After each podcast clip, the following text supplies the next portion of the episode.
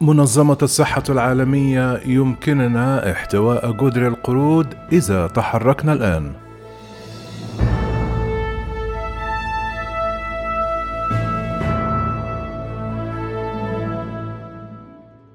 قال مسؤول كبير في منظمة الصحة العالمية يوم الجمعة إن على الدول اتخاذ خطوات سريعة لاحتواء انتشار مرض جدر القردة وتبادل البيانات حول مخزونات اللقاحات لديها.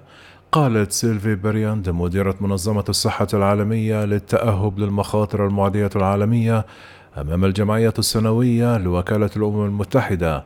نعتقد أننا إذا اتخذنا الإجراءات الصحية الآن فربما يمكننا احتواء ذلك بسهولة. جدري القرود هو عادة عدوى فيروسية خفيفة ومتوطنة في أجزاء من غرب ووسط إفريقيا.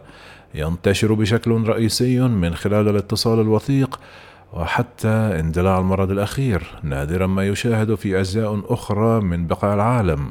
وهذا هو السبب في أن ظهور الحالات مؤخرا في أوروبا والولايات المتحدة ومناطق أخرى قد أثارت الإنذارات.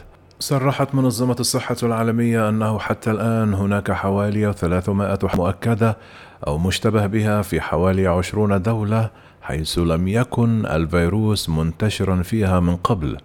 قال برياند في إفادة فنية للدول الأعضاء بالنسبة لنا نعتقد أن الأولوية الرئيسية حاليا هي محاولة احتواء هذا الانتقال في البلدان غير الموبوءة. كما أضافت أن الإجراءات المطلوبة تشمل الكشف المبكر عن الحالات وعزلها وتتبع المخالطين. قال برياند أنه يتعين على الدول الأعضاء أيضا تبادل المعلومات حول مخزونات الجيل الأول من لقاحات الجدري التي يمكن أن تكون فعالة أيضا ضد جدر القردة كما صرحت بأنه لا نعرف بالضبط عدد الجرعات المتاحة في العالم ولهذا السبب نشجع البلدان على القدوم إلى منظمة الصحة العالمية وإخبارنا ما هي مخزوناتهم كما وصفت شريحة من عرضها التقديمي عن الإمدادات العالمية بأنها مقيدة للغاية.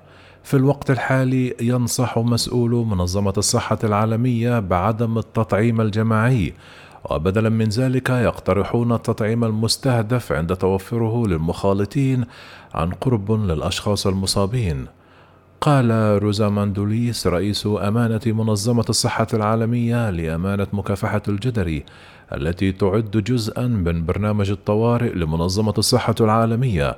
التحقيق في الحالة وتتبع الاتصال والعزل في المنزل ستكون أفضل رهاناتك.